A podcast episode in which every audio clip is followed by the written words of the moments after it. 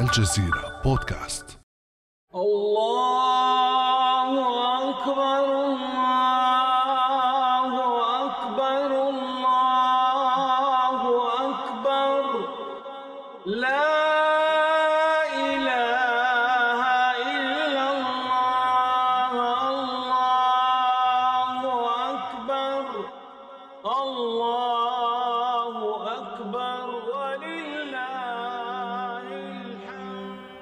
كل عام يردد ملايين المسلمين حول العالم هذه التكبيرات في بيوت الله العامرة وفي الساحات إيذانا بحلول عيد الفطر المبارك.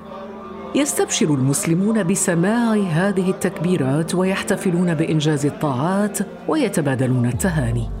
فتدخل البهجة إلى الديار ويسعد الكبار والصغار ولكن معظم المساجد مغلقة في دول عديدة هذه المرة.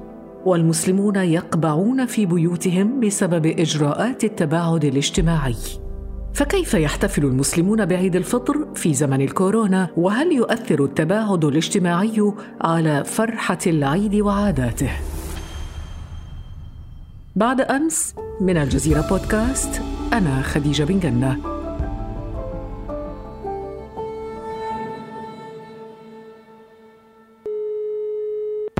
وينضم إلي المؤرخ التونسي والحكواتي عبد الستار عمامو. أهلا وسهلا بك أستاذ عبد الستار. أهلا وسهلا وشكرا على الدعوة. سي عبد الستار طبعا تتشابه مظاهر احتفال المسلمين بعيد الفطر في الكثير من الدول. ما هي أبرز عادات العيد؟ كيف توارثتها الأجيال؟ وما هي أجواء العيد؟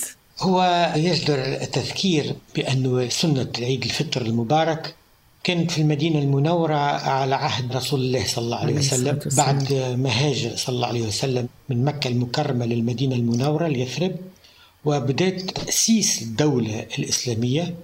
فتقررت بإرادة إلهية أن يكون ثم أعياد تميز الأمة الإسلامية اللي هما أهمها عيدي الفطر والإضحى. أما التسمية تختلف شيئا ما عادة أهل تونس ما نسميوش عيد الفطر بعيد الفطر وعيد الأضحى بعيد الأضحى يسميوا العيد الصغير والعيد الكبير. نعم. كثير من الدول. تسمي العيدين هكذا. آه، الصغير والكبير. الصغير والكبير. ويبدو أن السبب هو أن العيد الصغير أو عيد الفطر هو أكثر متجه نحو الأطفال نحو الصغار. موجود. فالصغار هو الاحتفال لهم بينما عيد الأضحى العيد الكبير أكثر الأعمال والأشغال هي من أعمال الكبار. عادة هو العيد الصغير هي فرحة الأطفال. فرحة الصغار. والعيدية والفلوس والحلويات واللباس. يعني أدخلت الآن في أجواء العيد. الأجيال تتوارثها جيل بعد جيل. أليس كذلك؟ هي الأجواء العامة لم تتغير معناها الاحتفال لم يتغير لكن فما بعض الخصوصيات اللي تغيرت مع تطور الزمن. مثلا؟ الحاجات الطريفة اللي تغيرت هي إعداد اللباس. لباس الأطفال. كان يعد في البيت. نعم. معنى خاصة لباس البنات. هي عادة الوالدة تقريبا من الأسبوع الثاني في رمضان تخرج الأسواق مش تخير القماش مش تخيطه والفساتين ولباس نتاع البنات. والأطفال الذكور يحملوهم أو والديهم عن ال- الآباء عادة الدارزي أو الخياط لإعداد كذلك لباس خاص بيوم العيد. فتلقى الصغار متشوقين ومتشوفين خاطر فما قياس وفما اختيار ألوان واختيار أشكال وزينه وزخرف فتلقى تقريبا الأسبوعين الاخرانيين ال 15 يوم الاخرانيين تاع أيام رمضان فما فرحة كبيرة عند الأطفال لأنهم من ناحية يستناو في هاللباس هذا اللي الوالدة نتاعهم والدتهم في البيت تحضر فيه والتارزي كذلك هما يمشيوا في السهرية مش يقيسوا اللباس هذايا. فنفسانيا هم عندهم هكا ح- حوافز وتلقى عادة الأطفال خاصة الأطفال الجيران ولا في المدارس يبدوا يتباهوا أنا أمي تحضر لي في فستان لونه كذا والأخرى تقول لها لونه كذا والأخرى تقول لها لا فستاني أجمل لأنه من الحرير والأخرى تقول لها كذا والأطفال الذكور كيف كيف. ف الآن كل شيء جاهز. لو أضفنا إلى ذلك آه، سي عبد الستار أيضا موضوع التهاني. الناس كانت تتزاور بعد صلاة العيد ويزورون بعضهم صلة الرحم والتصالح بين الخصوم إذا كان في خصومات. طبعا الآن الموبايل أصبح يلعب هذا هذا الدور. صحيح هي فرصة كانت فما بعض بيوت أو بعض عائلات لا تتزاور إلا في نهار يوم العيد. معناها نتيجة لل... نتيجة لبعض أسباب عائلية مش حتى خصامات لكن بعض أسباب تخليهم ما يتزاوروش إلا يوم العيد. فكان الكبير البيت الأب عادة يخرج أطفاله الكل وإذا كان مثلا من العادات من العادات اللي عشناهم أنه كي يبدأ ال- فما صغار أيتام فعمهم وخالهم يتولى المهمة. يهزك الأطفال هذوكم ويخرج للمعايدة يمشيوا لل- للعائلة آه، الموسعة العائلة الموسعة يبدأوا بالأكبر فالأكبر ويمشوا يزوروهم وكل بيت يدخلوا له بالطبيعة باش يقدم لهم الحلويات اللي هي كانت صنع منزلي. طيب آه، سي عبد الستار دخلتنا شوية هيك في الأجواء الجميلة أجواء العيد والحلويات ولعابنا يسيل الآن. بقلاوة وغريبة والأمور أيوة. هذه. آه، طبعا لا تكتمل بهجة العيد آه، سي عبد الستار إلا بكعك العيد وحلوياته المتنوعة.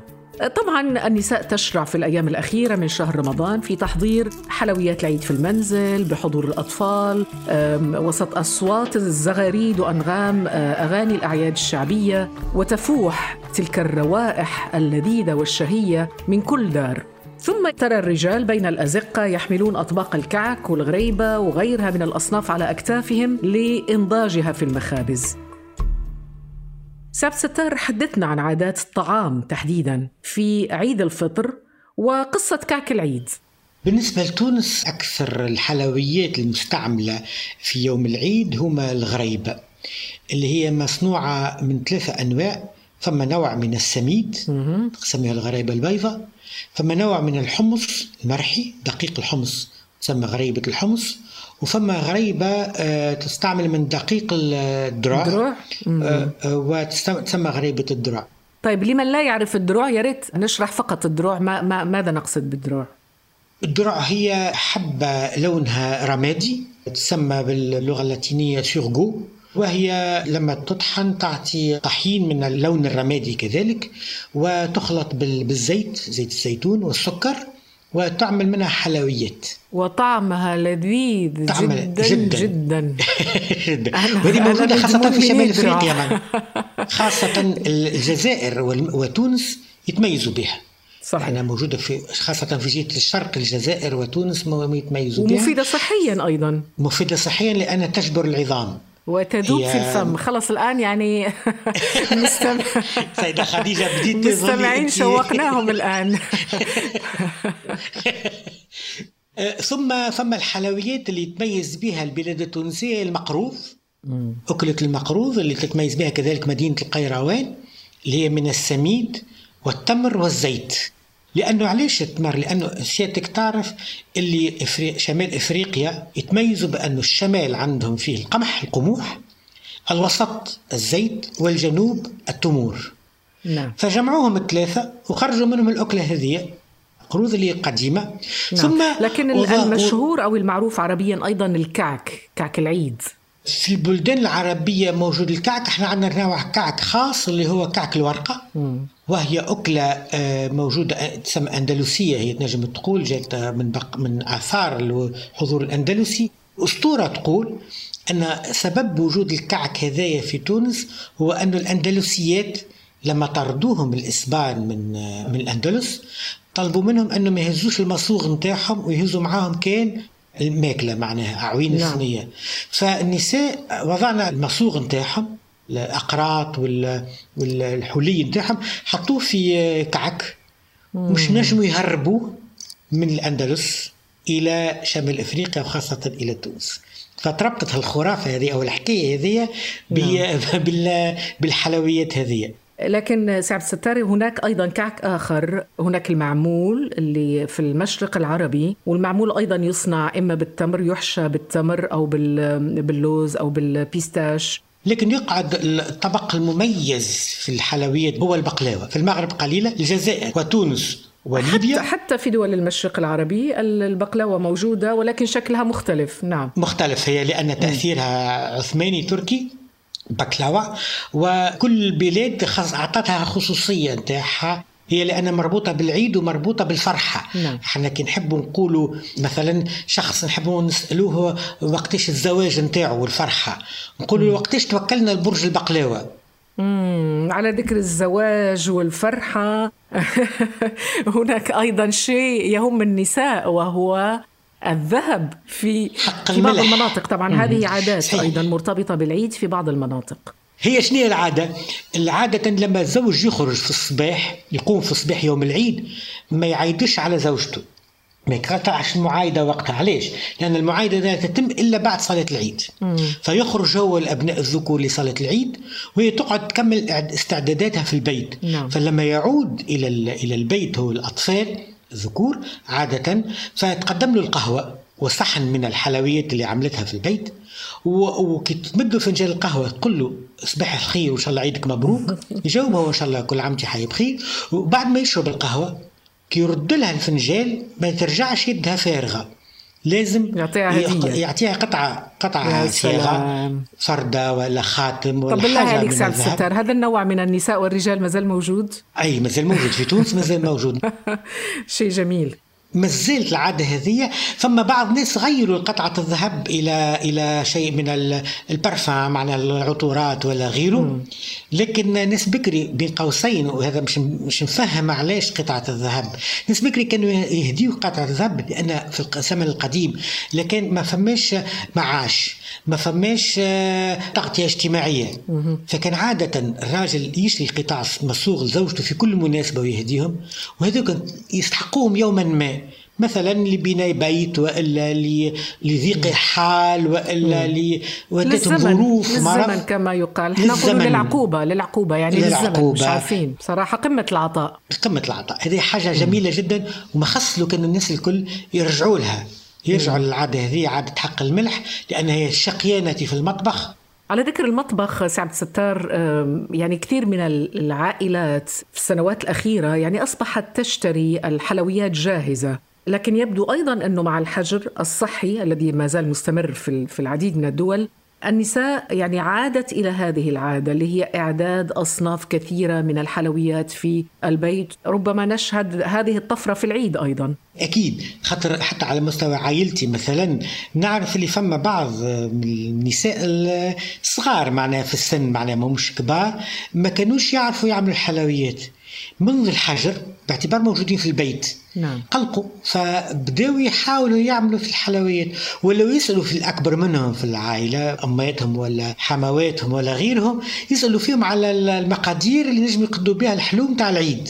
ونعرف اللي استثناء بقدرة ربي في كل بيت مش يكون فما آه، حلو مش مشري من السوق إنما آه، مص- مص- مصنوع في البيت. يعني فيه أضرار جانبية لهذا الموضوع سي عبد الستار.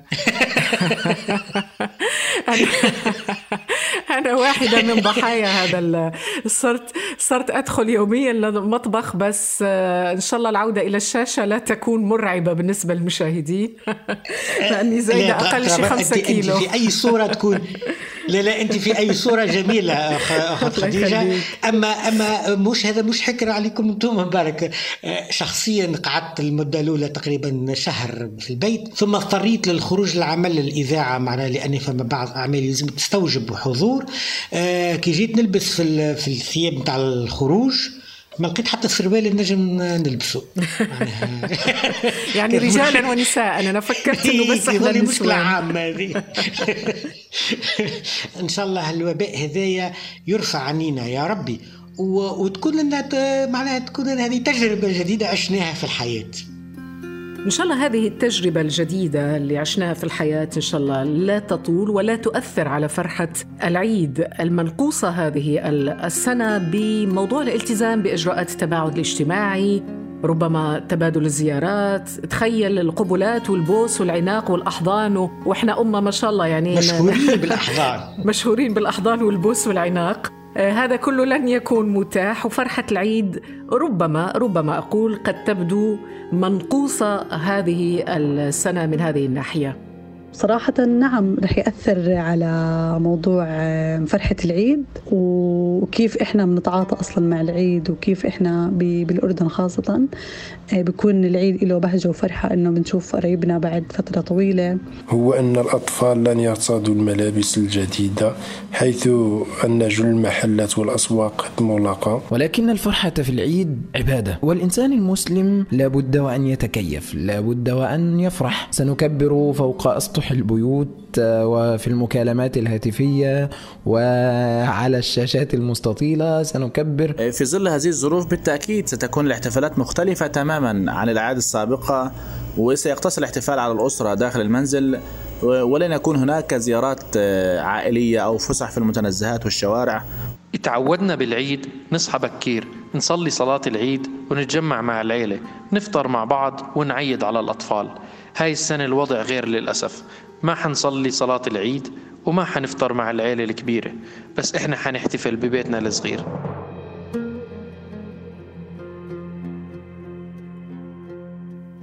سعد ستر كيف نتكيف إذا مع هذه الأجواء الخاصة أو المرحلة الخاصة التي نعيشها هذه السنة؟ لا ننسى أن بعض العائلات فقدت فردا البعض لديه مريض كورونا في ناس الآن أصبحت بدون مصدر رزق. كيف نتكيف مع هذه الأمور الآن في هذا العيد؟ والله أنا نسمع في الكلام اللي كنت نسمع فيه وتذكرت جملة كانت تتقال في في جامع يوسف خوجة صاحب الطابع بتونس. ليس العيد لمن لبس الجديد إنما العيد لمن فاز يوم الوعيد. تو تفكرت هالكلمة هذه اللي تربيت بها وأنا صغير. صحيح ممكن ياسر ماناش باش نلبسوا حوايج جدد خاصة الأطفال خاطر ماناش باش نخرجوا للمعايدة. باش نقتصر ممكن المعايدات نتاعنا على سكايب وعلى معنى الاشياء من وراء.